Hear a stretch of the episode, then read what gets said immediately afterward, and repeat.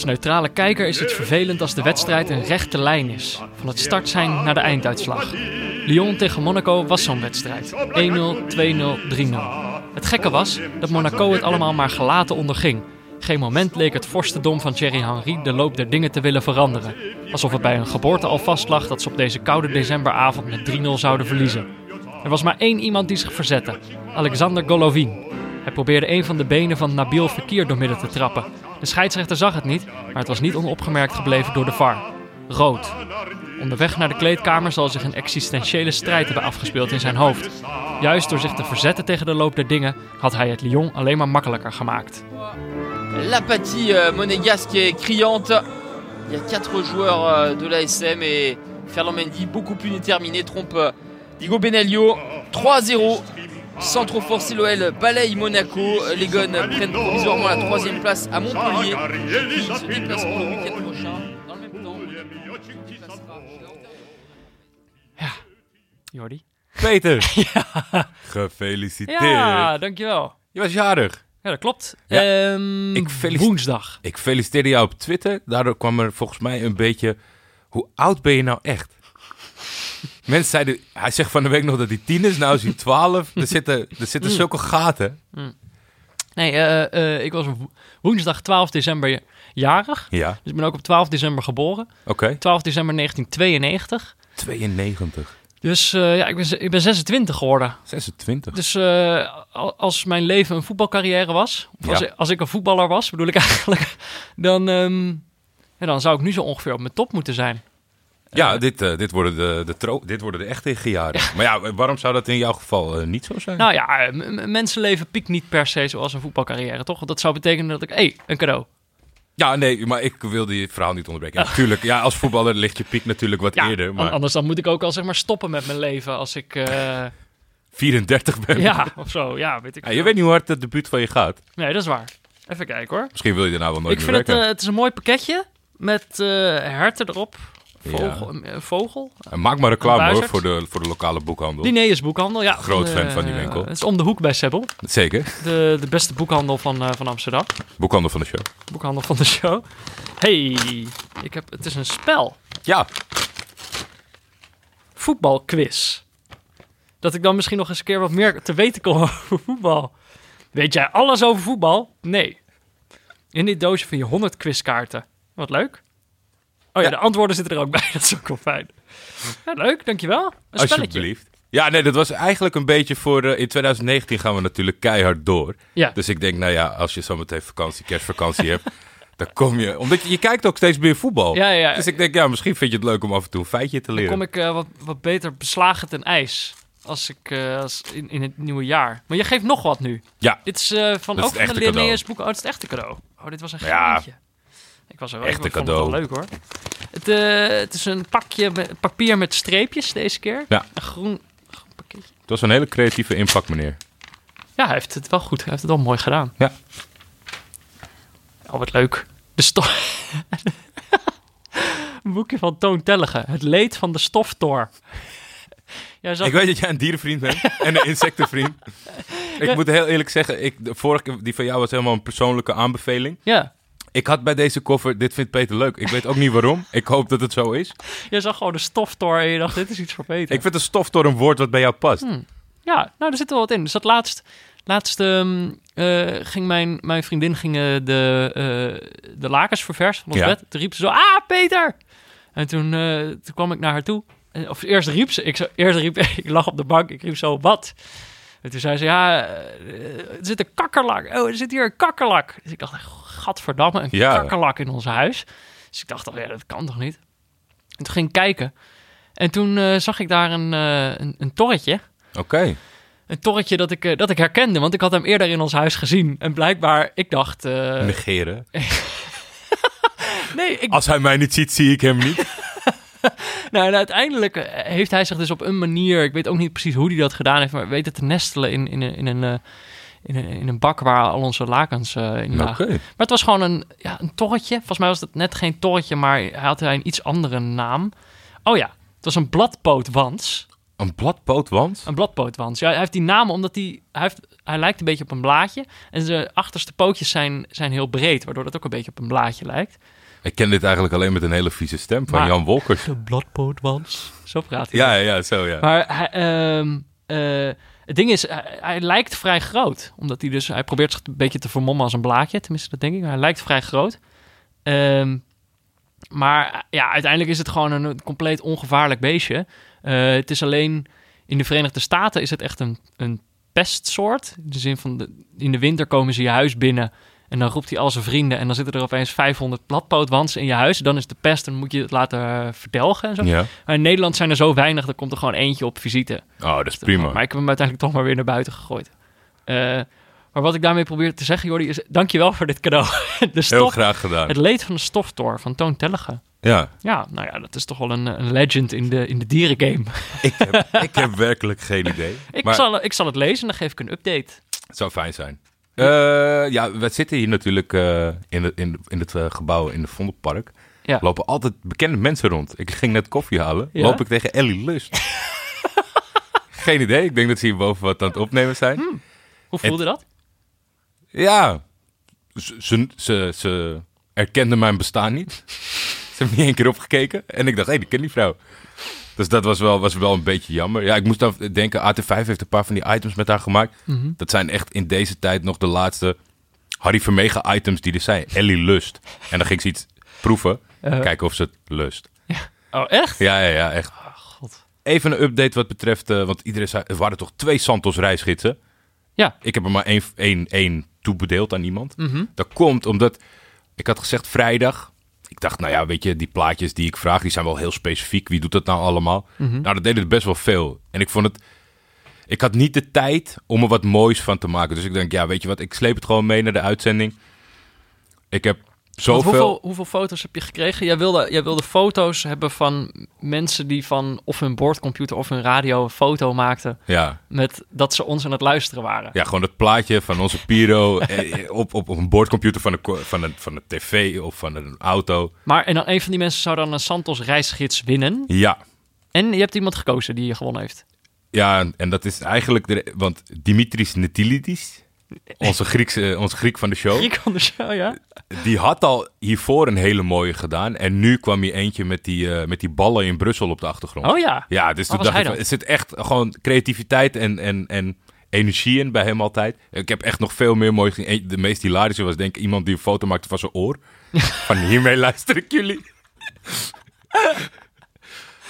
en eh, ik denk, ik, ik, probeer, ik, heb, ik heb een groot deel al verzameld. Ik denk dat ik daarna, ik, ik probeer... Ik weet niet zo goed hoe dat moet, maar volgens mij kan dat wel. Misschien aan zo'n Pinterest-meisje vragen. eh, een collage te maken van alle inzendingen.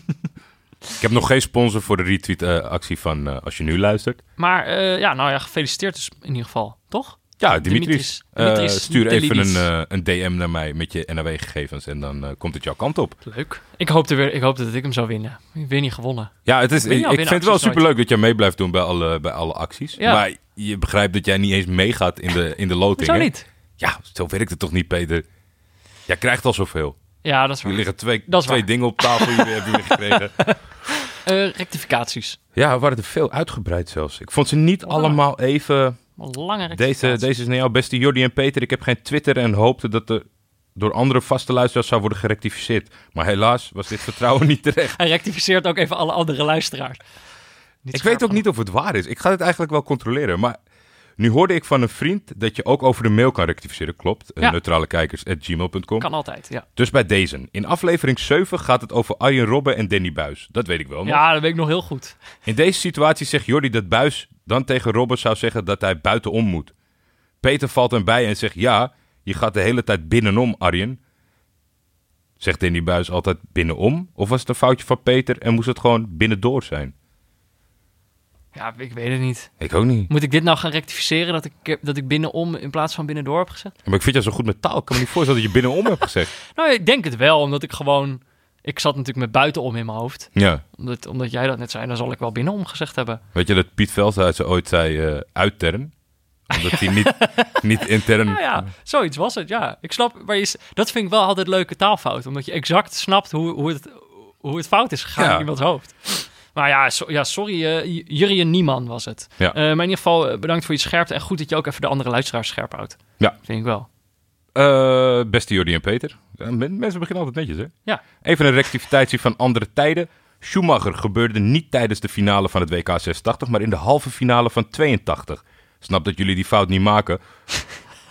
maar ik verwacht wel een rectificatie over de inzending dan. Ja. Dat Peter dit niet weet, oké, hij is 11. Maar de VEF als kenner daarentegen, groetjes, Johan van der Sande. Johan. Ja. Johan eh, is eh, van een eh voetbalelftal, Louter Hits. Ja, vrij beruchte elftal, die doet elk jaar mee aan Sokkerrocker. Oké. Mag ik ook heel af en toe een wedstrijdje een paar minuten maken. Maar hij heeft wel gelijk. Ik, ja, het is, Maar dit vind is dat echt recti- moeilijk. Want we, we hebben best wel vaak zijn we gerectificeerd op eigen tijden sport. Mhm. Je zit het voor te lezen. Dan kan je niet ook nog eens even Ja, daarnaast alles gaan factchecken. Mensen moeten hun eigen fact-checking doen. Of wij moeten, eh, wij moeten een stagiair eh, aannemen die de fact-checking van het- segment eigen tijden sport gaat doen. Ik ben fan van eh, het stagiairschap.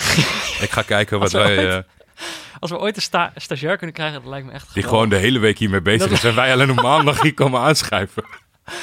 Dat die gast later dan ook over ons zal zeggen. Zo, ja, die, kwamen dan, die kwamen alleen maar dan even een uurtje binnenkakken voor opnames. Ik deed het allemaal eigenlijk. Ik Eigenlijk was ik de show. Eh, nog, er was oh, nog Ja. notificaties. Danny Abels, die eh, ging... eh, teamgenoot van jou? Ja, zoeken natuurlijk, omdat hij een beetje te kakken was gezet met dat handballetje van Pickford. Danny. En toen had ik gezegd, Maxwell, al met enige twijfel, omdat ja, iedereen heeft hele gekke functies binnen Paris Saint-Germain. Er werken duizend mensen. Ja. En Maxwell is inderdaad geen, eh, geen technisch directeur. ja, wat was het nou? Oh ja, oh, dat had was- ik beloofd. Ik had het beloofd dat ik samen met jou het organogram van Paris Saint-Germain zou Ja, ik, ik heb met een schuin nog gekeken op de site van Paris, maar ik haakte af bij al die namen. Hebben, ze, hebben ze een organogram? Ja, niet zo als jij hem verwacht. Gemaakt in eh, PowerPoint met pijltjes naar beneden. Dat hebben ze niet. Nee, maar Wat is dat nou voor club? hij is adviseur. is- ja, Ja, want jij had gezegd dat jij zei dat hij technisch directeur was of zo. ja, maar hij is meer het lokketje. Maar de, hij, was, hij was wel mee om, om, eh, hij zat aan tafel. ja, om, om Frenkie de Jong over te halen.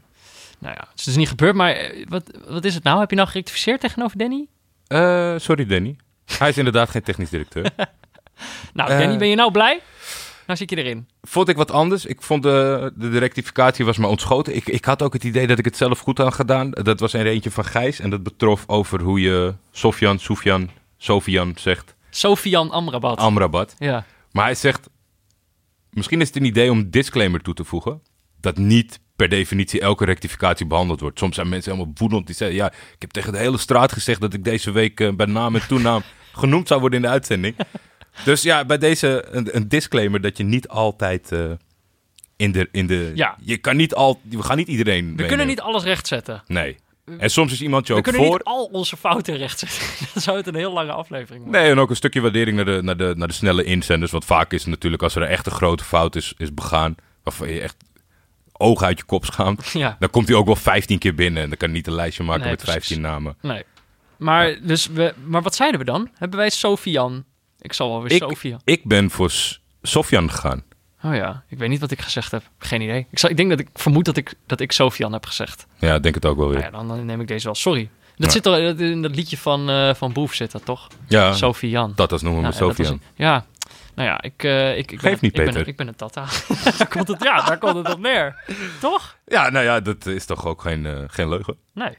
Dit is niet echt een rectificatie, maar een, een, een toelichting. Ja, en het is een beetje een voorts, voortslepend ding. Ja, en het gekke is dat eh, ik had Simon Tjommer benaderd over de kolenpot derby. Ja, je- want het ding is, we noemen dat alleen, alleen in Nederland de kolenpot derby. Dachten wij. dachten wij.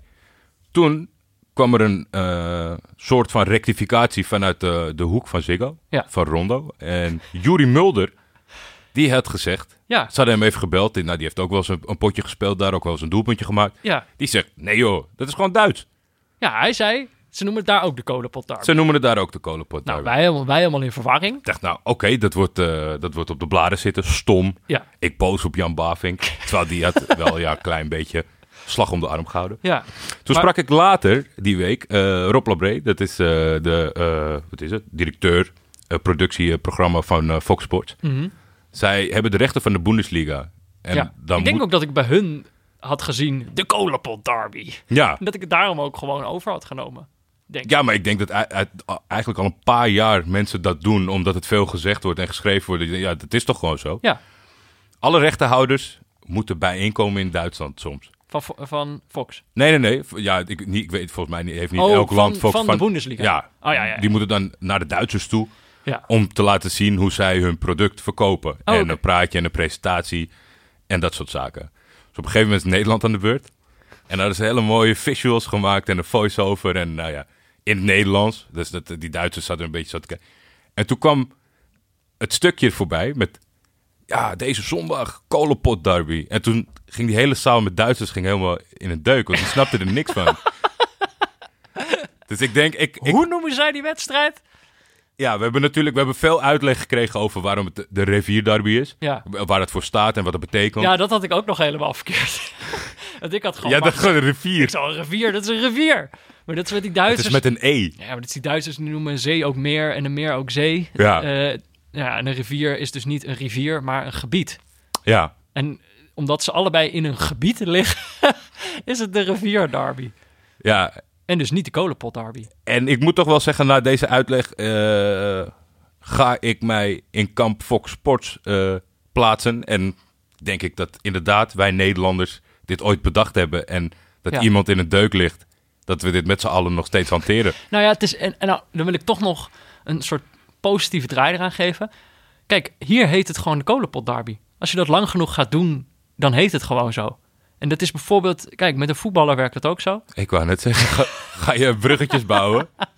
Nou ja, als je, als je een zekere voetballer eh, meerdere keren de naam van een, eh, van een zekere roofvogel zou geven. Ik denk dat het op, op een gegeven moment gewoon zijn officiële bijnaam zou moeten zijn. Eh, nou, dan, kunnen we, dan kunnen we naar de, de kraker van de week. We hebben deze week Lyon tegen Monaco gekeken.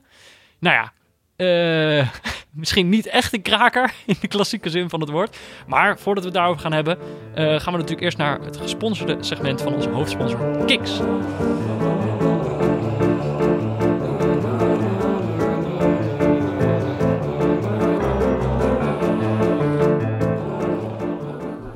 Dit is Eigen Tijden Sport, in samenwerking met onze hoofdsponsor Kiks, waarin we terugblikken op historische gebeurtenissen in het voetbal die waarschijnlijk terecht in de vergetelheid zijn geraakt. Deze week Sam Porskamp. Sam Porskamp. Ja. Goeie naam. Cristiano Ronaldo en Lionel Messi. Muhammad Ali en Joe Frazier. Roger Federer en Rafael Nadal.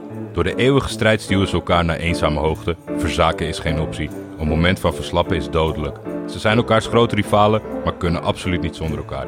Zo kon ik niet zonder Ruben Loeven. Ruben Loeven. Ja, eh, dit is een, is een spectaculair begin. Ja. Als jeugdspeler van het inmiddels failliete Xantos in de Watergasmeer in Amsterdam werd ik steva- stevast ingedeeld bij sportparkgenoot TOS Actief. Ik was de spelmaker van Xantos, Ruben die van TOS Actief. Ruben was echt zo'n rasvoetballetje. Niet al te groot, korte kop en uitsbendig met de bal. Ik was daarentegen een iets wat grote slungel met lang haar. Heel lang haar. Mijn toenmalige trainer Said Ouali, inmiddels hoofd jeugdopleidingen bij Ajax, noemde hem altijd John de Wolf.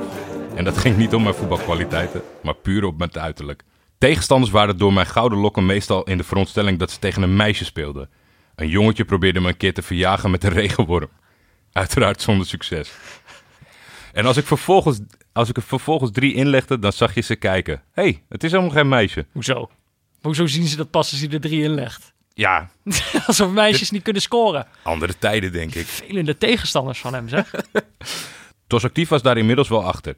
Voor mijn sportmoment gaan we terug naar zaterdag 21 april 2001. Oh, ik dacht, ik, dacht het dat we al in het- knap, hè? Ik dacht dat we al in het sportmoment zaten. Ja, maar ik vind het zo knap dat mensen zo specifiek iets kunnen onthouden. Ik weet 21. het echt niet, hoor. Nee, ik ook niet. Het is TOS Actief D1, Xantos D2. De nummer 4 tegen de nummer 3. Mijn vader, tegelijk onze scheidsrechter en onze coach, heeft de tactiek tegen TOS zoals iedere keer hetzelfde gehouden. Guido in de mandekking op Ruben.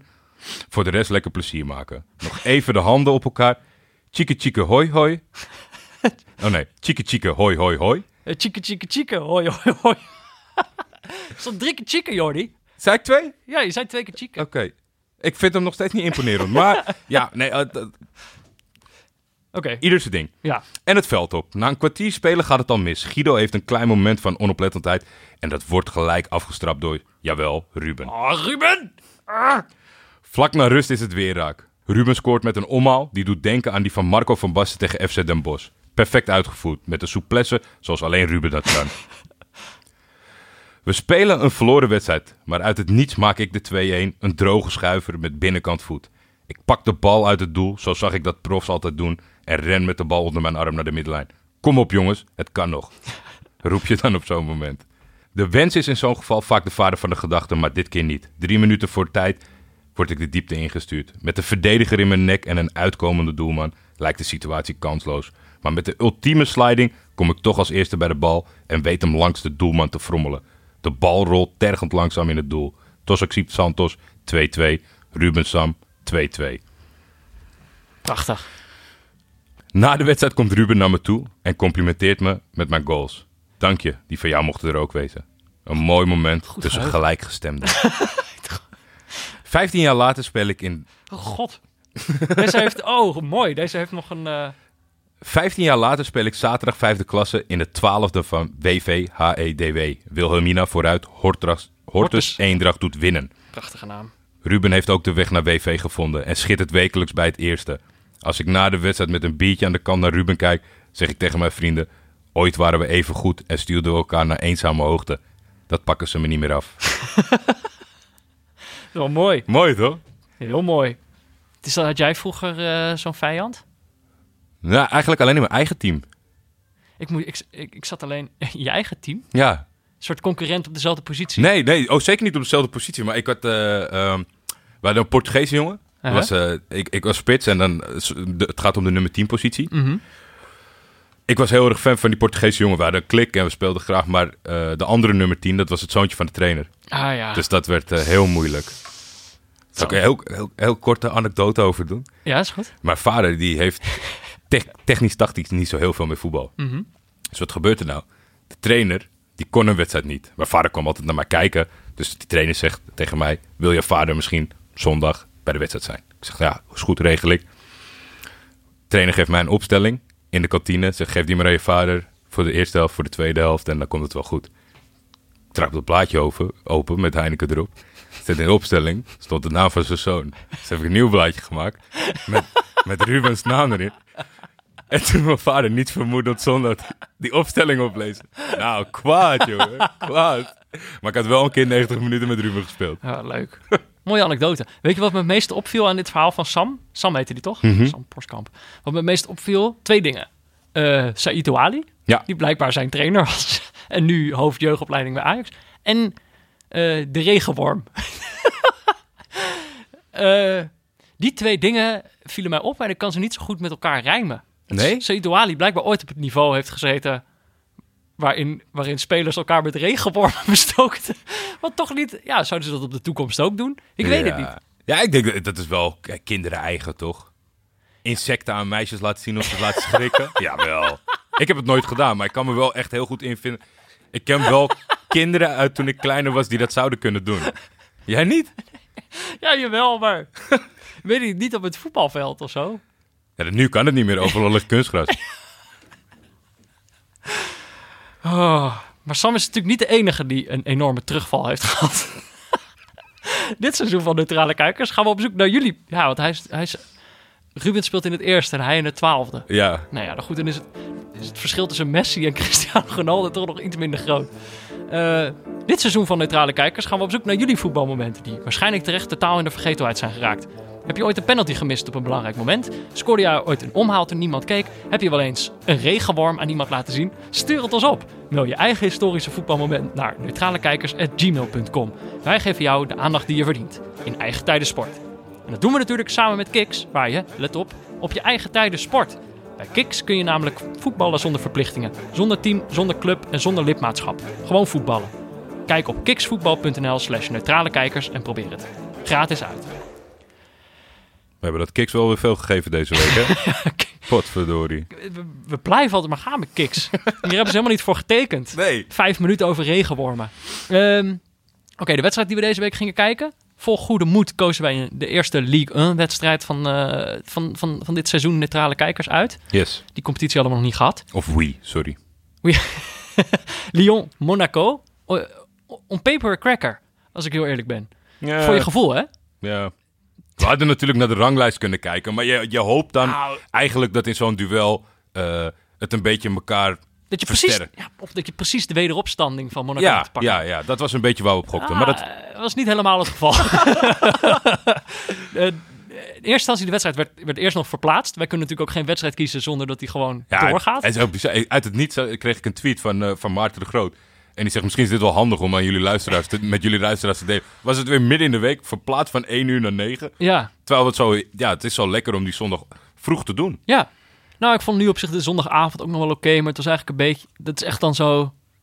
Nog zo'n restje van het weekend of zo. Ja, Eh, en dan ook, ook nog eens zo'n wedstrijd. Maar volgens mij het was verzet door, eh, door, door veiligheids... gele hesjes. Gele hesjes, ja. Nou ja, die, die zetten, zetten Frankrijk op stelten.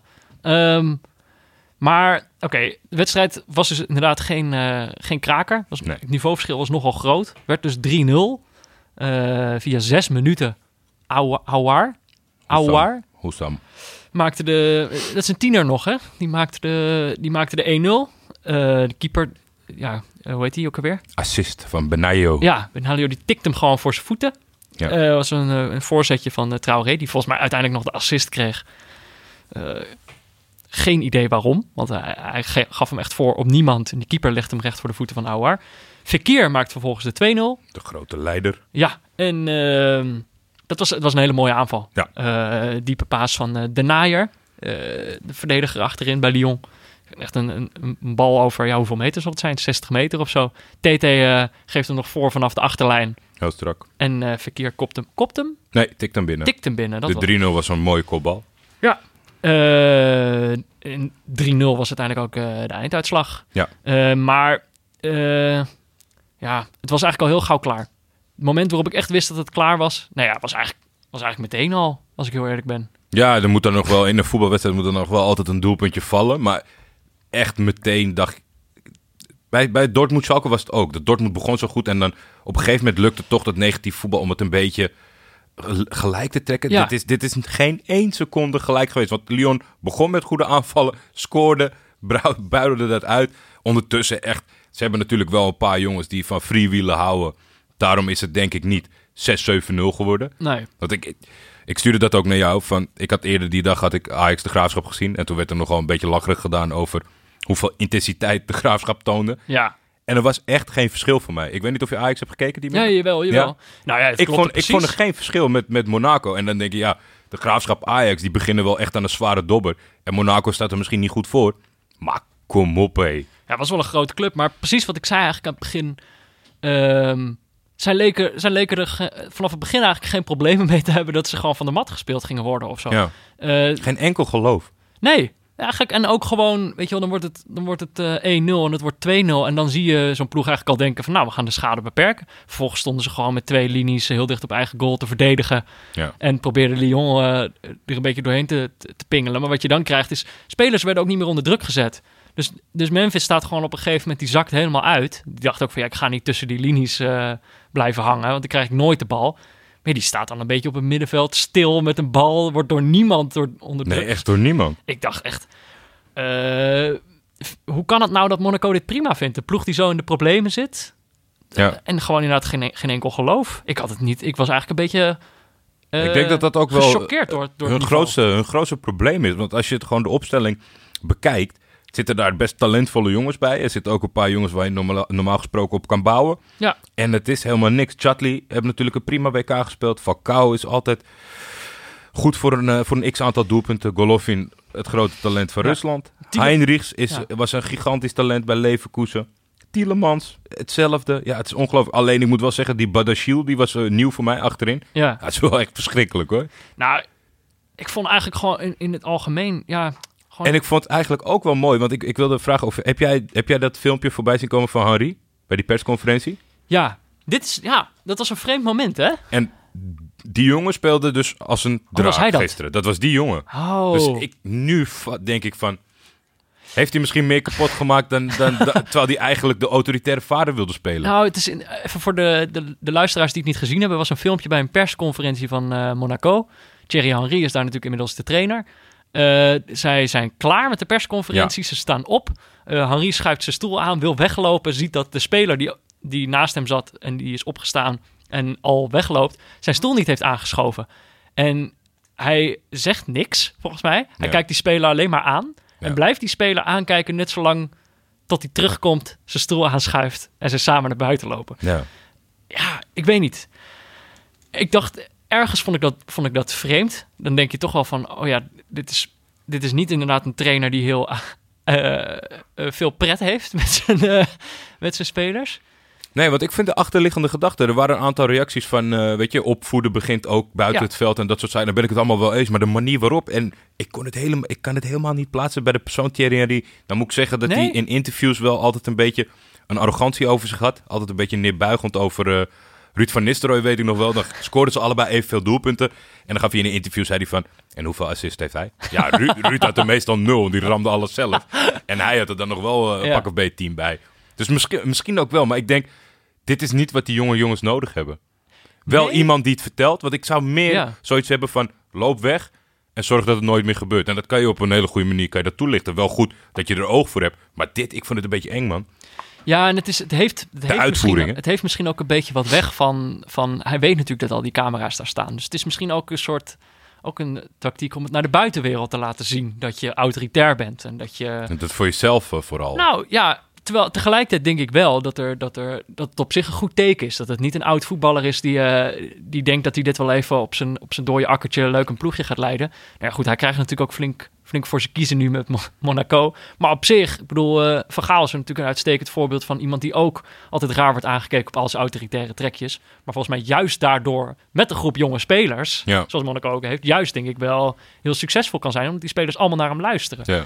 Maar als Ik we, dat, als we dat stellen, dat iedereen naar hem luistert, met wat voor een, met wat voor een opdrachten heeft hij die spelers dan het veld ingestuurd, vraag ik me af. Is toch, wa- was daar iets van te herkennen?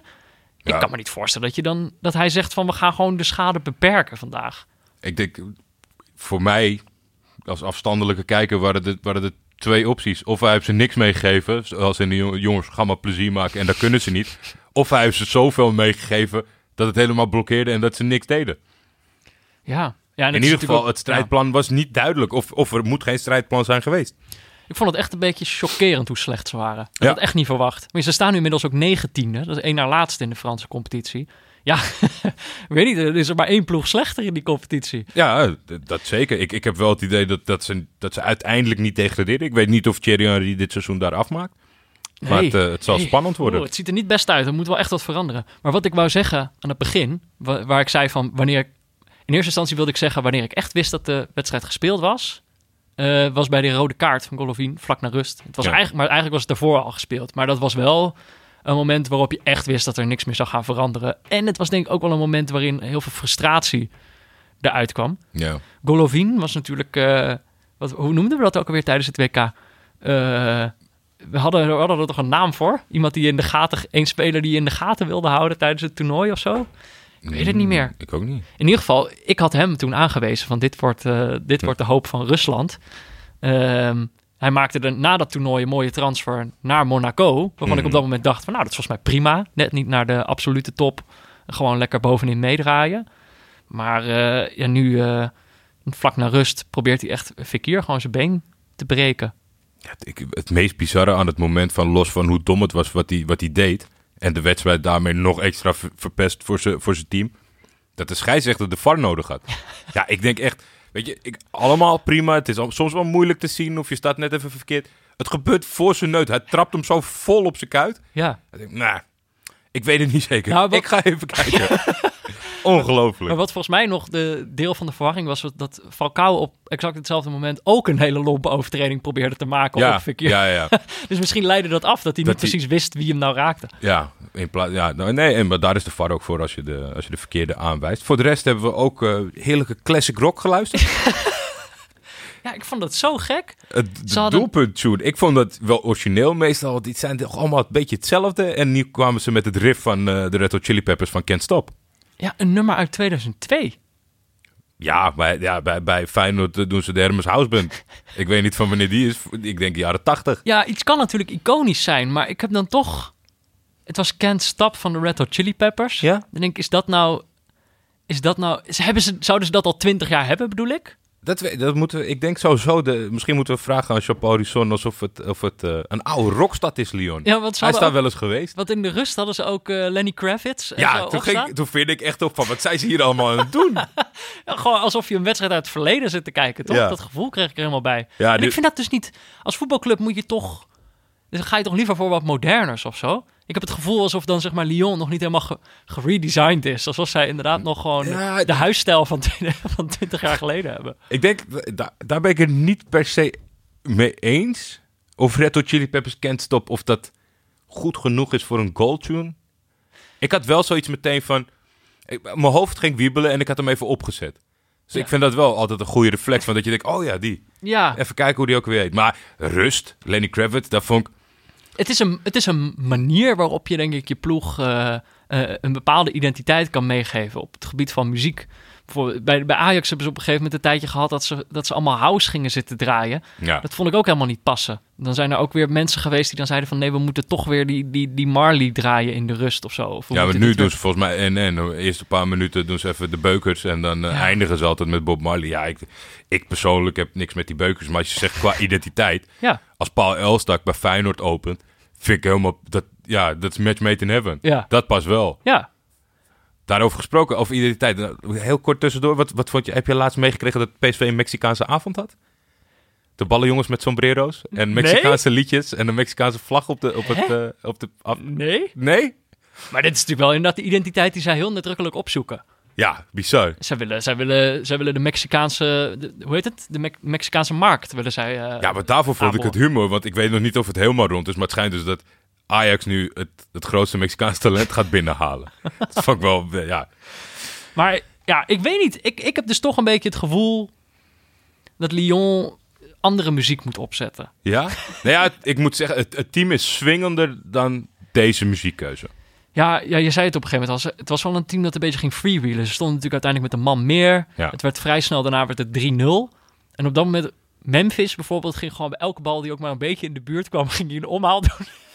Nou, eentje was echt bijna raak. Het was wel jammer dat hij, de, dat hij er niet in ging. Maar Ja, maar je mag toch hopen dat die ploeg aan het einde van het seizoen niet op doelsaldo een plekje lager komt te staan, toch? Ik bedoel, dan Nee. kijk je naar dit soort wedstrijden en denk je, ja, we hadden er echt acht kunnen maken. ja, ik denk dat het... Ik, denk, ja, ik, ik weet niet of het, of het het moeilijker maakt omdat Paris Saint-Germain in die competitie zit. Dat je denkt, ja, eh, fuck het, tweede of derde, Champions League. Ja, dat is waar. Dat is waar. Ja, maar Het dan- haalt een beetje die motivatie. stel je wordt net vierde op Ja. basis van Nee, het, het, is, het is gevaarlijk, maar ik, ik ben wel fan van de beleving, moet ik zeggen. Als ik naar Lyon zit te kijken, het veldspel eh, tussen de, tussen de, tussen de balletjes achter het standbeen naar hoog tempo. Eh, ja, leuke spelers. Echte, die Aouar, echt een natuurtalent vind ik. Fekir vind ik prachtig om naar te kijken. Ja, Had hij ook echt wel bij Liverpool willen zien. En als je dan eh, kijkt, zeg maar, de waardering van het publiek. Want dat is echt wel een, een, een twee leden. De Denier krijgt op een gegeven moment een hoge bal. Die wipt hij dan over, over Falcao heen. Hele stadion, staande ovatie. Zij, daar komen ze voor. Ik, Ja. ik, ik, vind, Ah, eh, ik vind het een, een, een prima club. Ja, toch nog even over identiteit. We hebben het daar eerder over gehad. Volgens mij ging het toen bijvoorbeeld over Napoli. En dat ik zei van... ehm, je kunt een speler aanwijzen en zeggen... Ja. dat is een Napoli-speler. En dat kon je toen, wat mij betreft, kon je dat niet bij Roma. Eh, en bij Manchester City kun je het bijvoorbeeld wel. En bij United kun je het niet. Voor mijn gevoel dan, op dit moment. Maar ik vind bijvoorbeeld, je kunt wel iemand aanwijzen en zeggen... dat vind ik nou een Lyon-speler. Ja, Toch? ja, dat denk ik wel. Daarom was het zo, wat dat vond ik opmerkelijk, omdat ze beide natuurlijk redelijk eh, veel talenten zelf opleiden. En het is, nu, het is nu even de lichting niet. Ze hebben heel veel aankopen, aankopen beide spelen. Maar Aouar en Fekir, dat zijn wel echt clubjongens. Ja. En daarin vind ik ook dat je het ziet dat het Lyon-spelers zijn. Was die... eh, mijn hoogtepunt van het laatste half uur... was dat eh, een voetballer genaamd Terrier in het veld kwam. Martin, is, dat, is dat iemand uit eigen jeugd? eh, Zag er wel redelijk die jong was eh, f- eerst verhuurd naar, naar Strasbourg. Daar speelde hij heel goed. En die hebben ze volgens mij terug. Ik weet niet of, ze, of hij daarvoor van hun was. Even snel spieken. Hij komt uit de jeugd van Lille. Hm. Dus het is niet echt een product van Lyon. Nee, Maar hij speelde heel goed eh, bij, bij Strasbourg. En nu eh, krijgt hij zijn kans. Terrier. Was dit een goede wedstrijd voor het neutrale kijken? Eh, nee.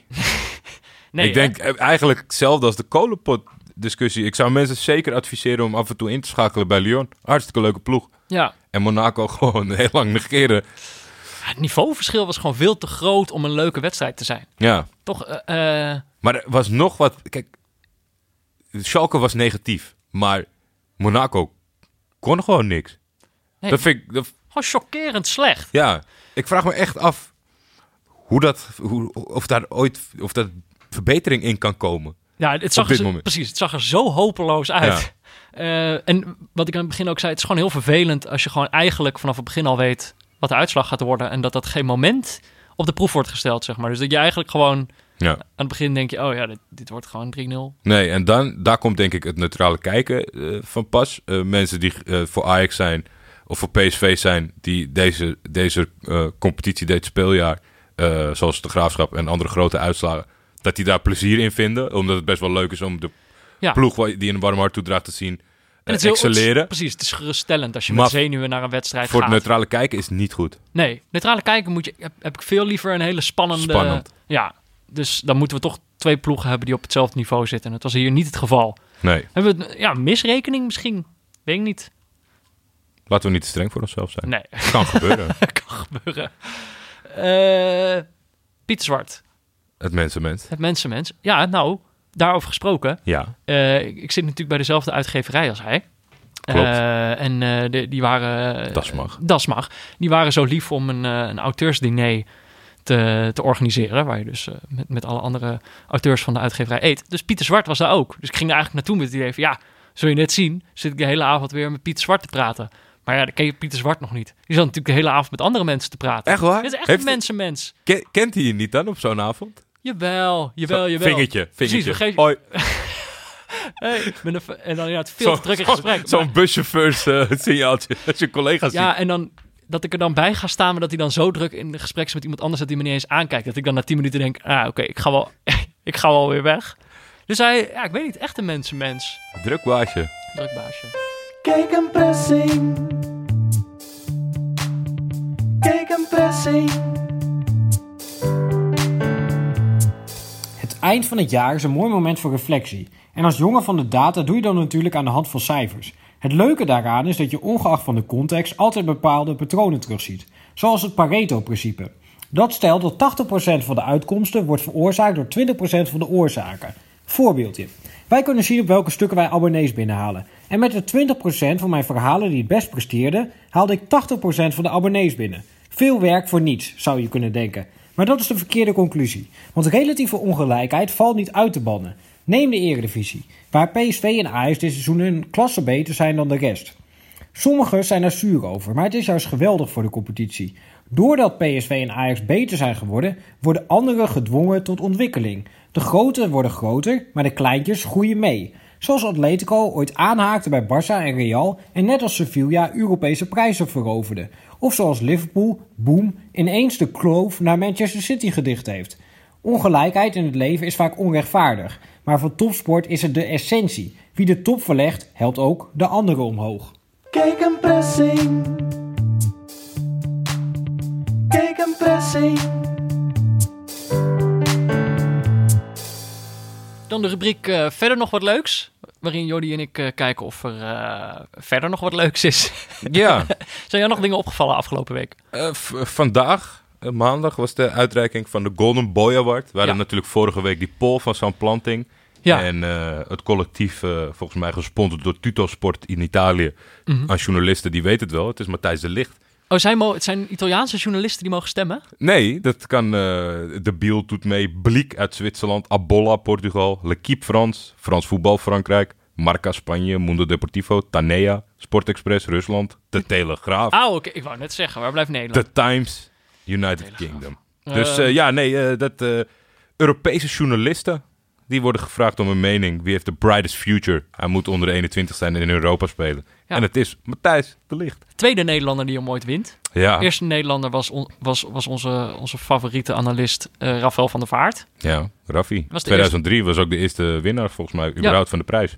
Ehm, maar dat gaat over, dan over een kalenderjaar, toch? Ja, Eh, dus eh, ja, Matthij, de, Matthijs de de laatste seizoenshelft van het jaar ervoor en de eerste seizoenshelft van het nieuwe seizoen. Ja, dus Matthijs de Licht heeft hem nu gewonnen. Ja, je Eh, hebt vaak van die prijzen en dan, is het, eh, dan gaan mensen giechelen tien jaar later van... oh jezus, we hebben een fout gemaakt. Hè. Omdat Dit is bij dit, dit lijstje niet, hè? niet heel erg. Het enige rare die ertussen staan, vond ik eigenlijk, is met de kennis van nu dan, eh Balotelli en Pato. Het zijn, het zijn gewoon, denk ik, twee spelers. Ja, maar die- hebben ook wel... Balotelli heeft ja, ja, één, één goed jaar, anderhalf Nou, goed jaar gehad. maar is- niet de ja. wereldtop. Pato in potentie wel, alleen die heeft een heel zwak gestel. Dat is heel jammer. ja. Maar voor de rest zijn het inderdaad... Ja, Renato Sanchez van twee jaar geleden, die heeft het best wel moeilijk. Maar Ja. mijn... De, de, Maar dat kan nog. Die kan nog natuurlijk... de eh, grootste tegenvaller, maar dat is volgens mij gewoon iedereen die die jongen heeft gezien. En dat het zo anders is uitgepakt, is die Anderson. Oh, die van Manchester Die United. middenvelder van Manchester United, ja. Ja. Die kwam toen eh, van Porto over. Dat Heeft was hij niet gewonnen? je van net. Hij heeft zelfs de Champions League gewonnen. Maar ja, het is er nooit uitgekomen. En tegenwoordig, want ik heb het toevallig begin van dit seizoen gezien, speelt hij bij Adana Demirspor in de Turkse tweede Echt? divisie. Hij is niet helemaal afgetraind, maar hij doet, eh, hij doet zijn best. Hey, en wel die Golden Boy Award in zijn in zijn kast staan. Ja. Dus Matthijs de Licht, als je over tien jaar... eh, Bij Adana Demirspor wil spelen. hey joh, heb je altijd deze prijs nog gehad? Moeten we het nog over de loting van de Champions League hebben? Eh, Wat, wat, welke wedstrijd kijk je uit? Behalve, eh, je mag niet die van Ajax zeggen. ik mag niet die van Ajax zeggen. Nee. Bayern Liverpool. Ja, oh ja, dat is wel de mooiste inderdaad. Dat is wel, mocht het zo uitkomen, misschien moeten wij die overwegen als neutrale kijkerspot. Ja, oh Leuk. zeker. Ik hoop dat als Bayern nog een beetje aansterkt, zeg maar. eh, ja, als je, en dan heb je nog, als je van ultra-defensief voetbal houdt, dan kan je Atletico Juventus, dan kan je vingerlikken. dat is, een eh, wedstrijd waar de bal lekker op de middenstip blijft liggen. Ja, ik hoef hem niet. Eh, Wij ook niet. Ja, voor de rest, ik denk bij de meeste toch wel een steuntje zou erin kunnen zitten voor Ajax en Lyon. Ja, Maar voor de rest denk ik dat het wel eh, vrij gespeeld is. ja ik, weet Denk- je bijvoorbeeld dat die Ah. verdediging van United tegenover PSG, ik, ik moet dat nog maar zien, hoe dat gaat uitpakken. Eh, en verder, ik hoorde dus, ik zat een, eh, een, een, een Engelse podcast te luisteren van The andere, Guardian. Andere voetbalpodcasten Ja, luisteren. van The Guardian. Oké, oké. Ehm, Schrik me dood, man. Even over, gewoon even over de grens kijken, Jordi. Van de, van de Guardian. En die zijn er dan bijvoorbeeld gewoon van overtuigd dat, dat Tottenham wel eventjes gaat winnen van Dortmund. Terwijl ik dan echt denk van, joh... eh, maar dat is gewoon, die Engelsen zijn toch wel heel erg overtuigd van, eh, Ja, van hun eigen kunnen. ja ik, ik ben er bijna zeker van dat Dor- Dortmund die wint. Maar dat is ook wel een potje, kan je wel kijken. Ja. Het zijn wel twee positieve elftal. En als het, als het speur mee zit, kan, kan dat gewoon. Ja. Maar Schalke City, hé. En zet ik, eh, je, baalde ontzettend dat Galatasaray niet door was naar de tweede ronde. En volgens mij hebben afgelopen week een heleboel mensen genoten, behalve ik, van eh Galatasaray tegen Porto. Dat was Ja. een vrij eh, opmerkelijke Bizarre wedstrijd. wedstrijd, ja. Maar kijk, je kan het natuurlijk niet zo stellen, want het is een loting. Maar als ik toch na de winter Gala tegen Manchester City had moeten kijken... nou, had ik wel even een retourtje gepakt naar ergens waar ze geen internet hebben. ik ben blij dat ik dat niet hoef mee te maken. Ehm, andere wedstrijd waar we het deze week over hadden kunnen hebben. Wat we niet hebben gedaan. ehm, of die we hadden kunnen kijken. Eh, ik, heb, ik heb er stukjes van gezien. De Northwest Derby. Daar Ja. we vorige, jaar- vorige week ook nog discussie over of het wel officieel een derby was. Daar kregen we ook nog rectificaties over. Veel mensen vonden van wel. Ja, Maar volgens mij eh, kwam eh, Wiegman Dijkstra met het beste antwoord. De rivaliteit tussen de steden Liverpool en Manchester is ontstaan in de tijd van de industrialisatie in de 19e eeuw. Beide steden groeiden in die tijd uit tot een grote urbane conglomeraten met, met enorme textielindustrieën. De economische en industriële rivaliteit is overgeslagen naar het voetbal. de Waarbij- textiel derby. waarbij de geschiedenis van Liverpool FC en Manchester United FC als meest succesvolle clubs in Engeland de rivaliteit alleen maar heeft aangewakkerd. Ze bevechten elkaar als twee tegen elkaar opbiedende agressieve campanen. En terwijl het geen derby is, wordt deze pot in Engeland toch de Noordwest Derby genoemd. Oké, nou ja, dus die wedstrijd dus. Ja, Ehm, Liverpool tegen Manchester United. Eh, heb, heb jij er wat van gezien? ik heb de samenvatting van Match of the Day gezien. Oh ja, ja. en eh, dat was eh, veel kloppen op de deur van Jurgen Klopps mannen.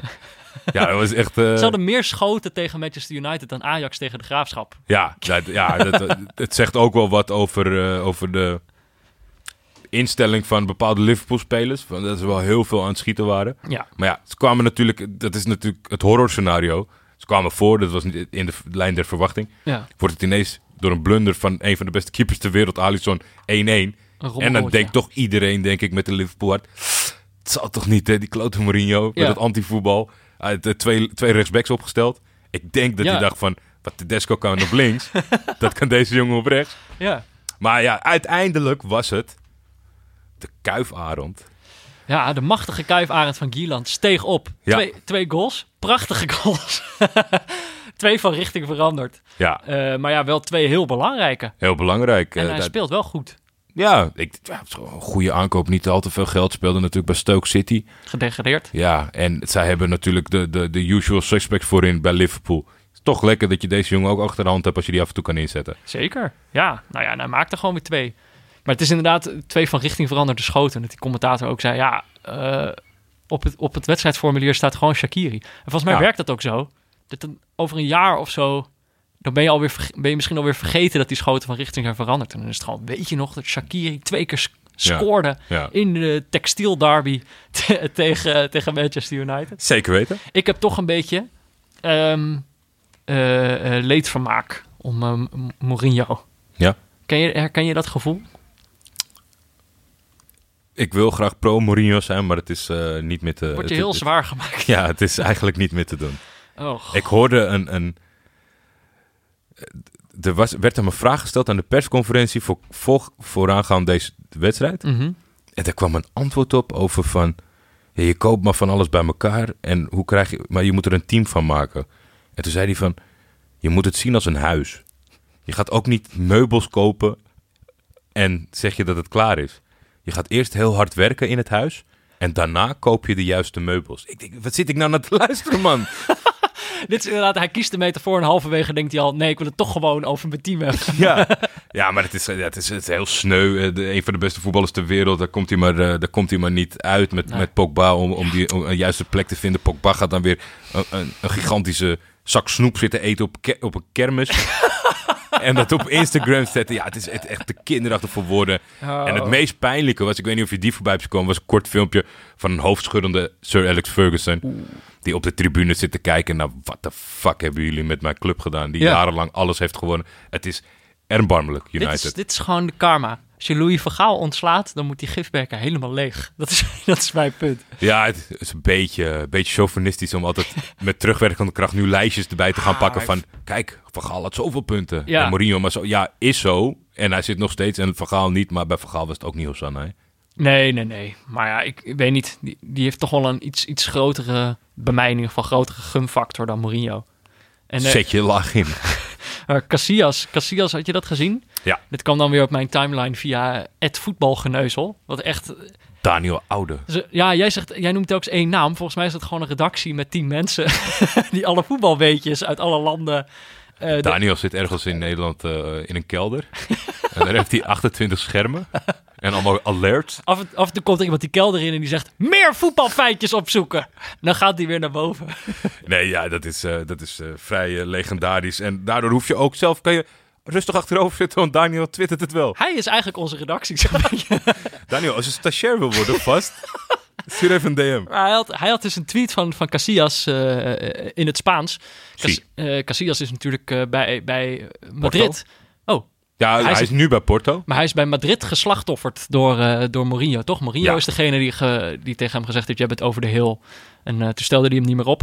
En dat is, eh, blijkbaar doet dat nog altijd pijn bij Iker. Want ehm, eh, hij tweette zoiets van... eh, eh, mensen kunnen altijd heel duidelijk zeggen wanneer een speler over de, te oud is om nog goed te spelen. Maar wanneer zeg je dat eigenlijk over een trainer? Dat is dan natuurlijk wel een beetje omslachtig, maar tegelijkertijd weet dan ook Nee, nee, iedereen het, was- het minder. Oh. Want je hebt het wel in de lijn, zit je goed, maar het was meer op de man af. Want er was eh eh, Portugese media. Die hadden geschreven over hem, dat, omdat hij keeper van Porto is, nu, van hij is over de hill. Oh. En toen zeiden ze, nou, leuk dat jullie mij over de hill vinden en oud vinden. Hij zegt, dat klopt. Maar wanneer schrijven jullie zoiets over een trainer? Oh, Over een oh. Portugese trainer. Dus het was wel, het was wel vrij rechts, Oh, recht op de man af. Oh, maar, ja, maar dan ook nog eens in, met de media in eigen land? Ja. Dan is hij zoeken.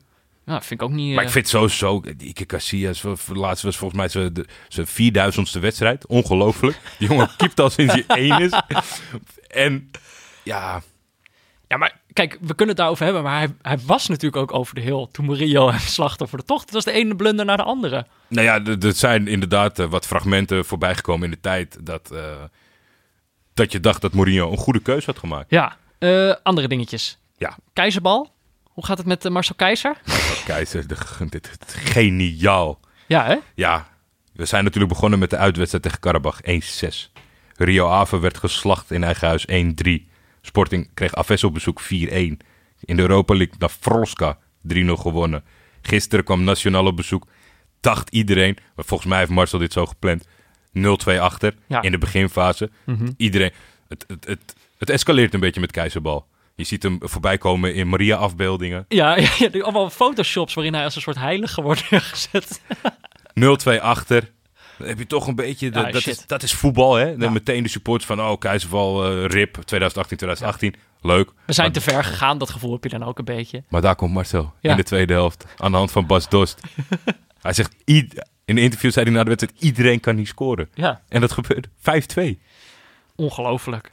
On- onwijs veel goals. 6-1, 3-1, 4-1, 3-0, 5-2. Ja. Hij, eh, hij weet niet van ophouden. Nee, het is ongekend en het is, het is fantastisch.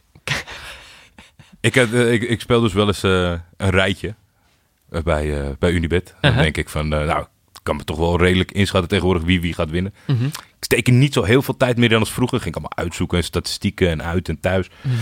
Alleen tegenwoordig ja, doe ik het dan een beetje wat meer op de vlakte. Dat je denkt, nou, die wint wel. Die het gaat heel slecht. 28 rijtjes op, op, op rijfout. Nu Mhm. was Sporting was de laatste. Ja, Met handicap. Dus dat ze je hebt alles goed. ja, dankzij Marcel. Die heeft gewoon, die heeft zelfs, want ik had nog niet op hem ingezet, maar zelfs dat werkt bij hem. Ongekend. Dankjewel Marcel. Dus jij hebt, oh, wacht, jij hebt geld te danken aan Marcel Keizer. Ik zou het zo naar hem overmaken als hij wil, maar ik kan me niet voorstellen dat hij op dit moment daarop zit te wachten. Hij, gaat, hij gaat wel lekker. We houden hem in de gaten, maar we gaan hem nog niet. We gaan hem, we gaan hem, wat was het nou? Januari geloof ik, Januari gaan we hem ergens tegen kijken. Porto, In het nieuwe jaar. Ja, tegen die over de hulkeeper. de echte grote test van, eh, van Keizerbal. Ja. Gaan we het zien. Eh, een, een serieus tintje, zag ik. Ja, het, eh, de, de, de, de thread gelezen omtrent... eh, Ja, nou, dit is, dit is een soort voort, voortsudderend verhaal over Raheem Sterling. ja, Die natuurlijk al, al, al jaren dingen naar zijn hoofd krijgt. We hebben het, ehm, we hebben het deze zomer tijdens het WK was het ook weer zover. Dat in aanloop naar het toernooi ja, die- dat pistool hij, liet hij een geweer op zijn been tatoeëren als, als een soort nagedachtenis aan zijn, aan zijn vader. Maar dat vond de Engelse pers, die, eh, die, die waren er maar al te vlug bij om dat te interpreteren als, eh, als een voorbeeld van gewelddadigheid.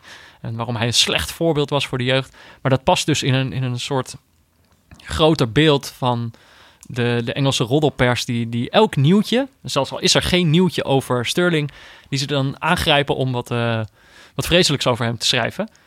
Of om hem in een, in een kwaad daglicht te Ja. stellen. En er was onder andere een, een, een, een, draadje op Twitter dat voorbij kwam. Dat vond ik wel echt.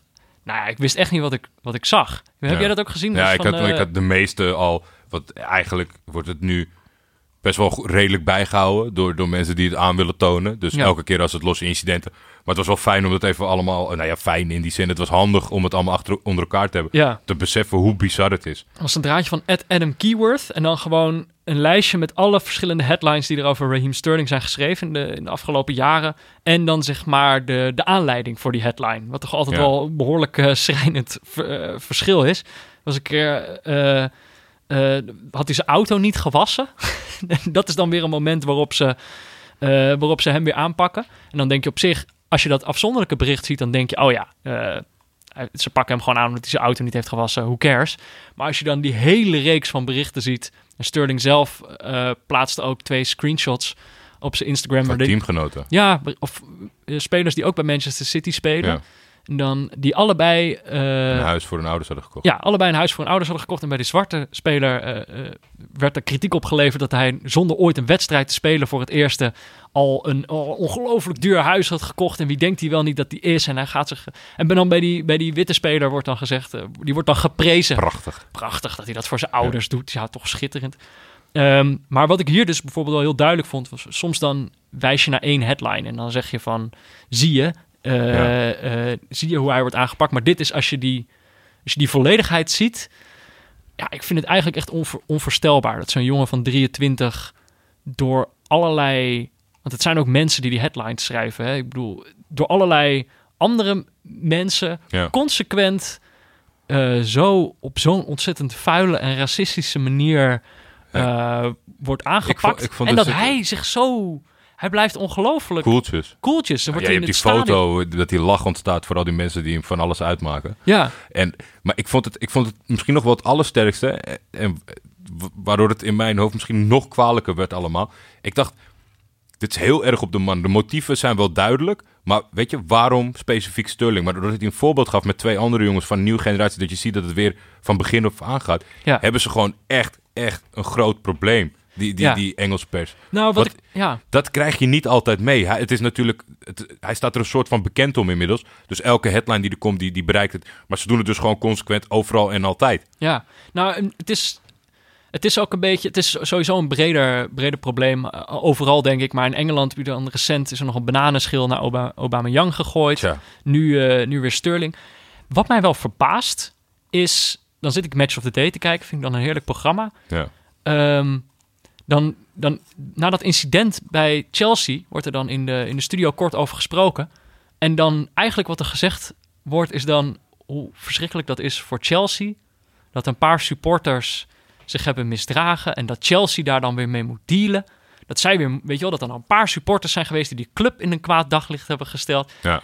Zeg Maar maar, dat is natuurlijk- Alsof Chelsea een beetje het slachtoffer is of zo. Terwijl ja, het probleem is, het is gewoon een voetbalbreed probleem. En ook, het is groter dan, eh, dan alleen Engeland. In Nederland kun je daar ook voorbeelden van aanwijzen. Ik denk dat, dat met Ziyech vergelijkbare dingen gebeuren.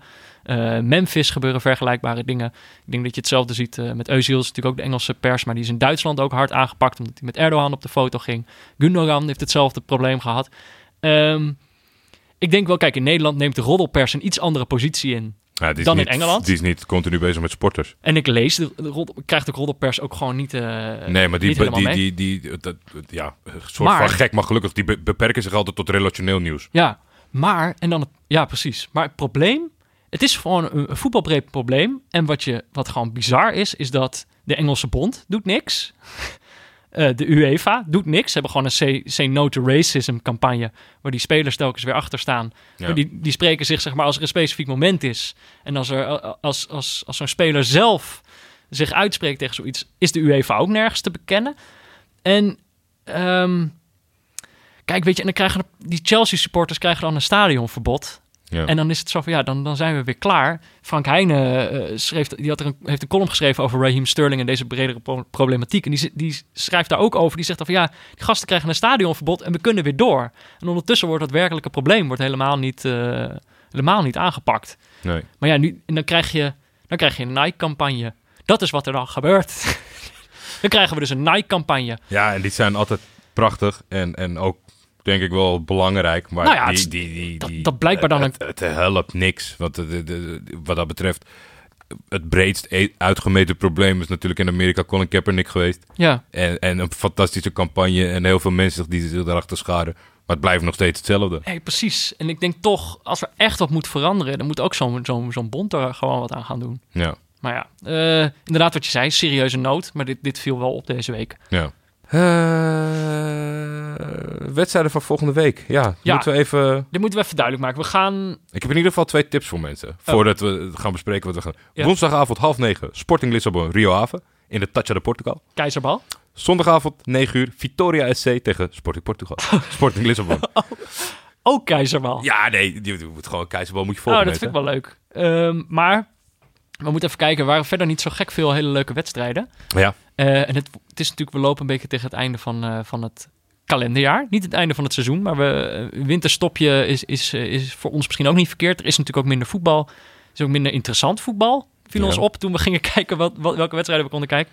Dus we dachten, ehm, lijstjes.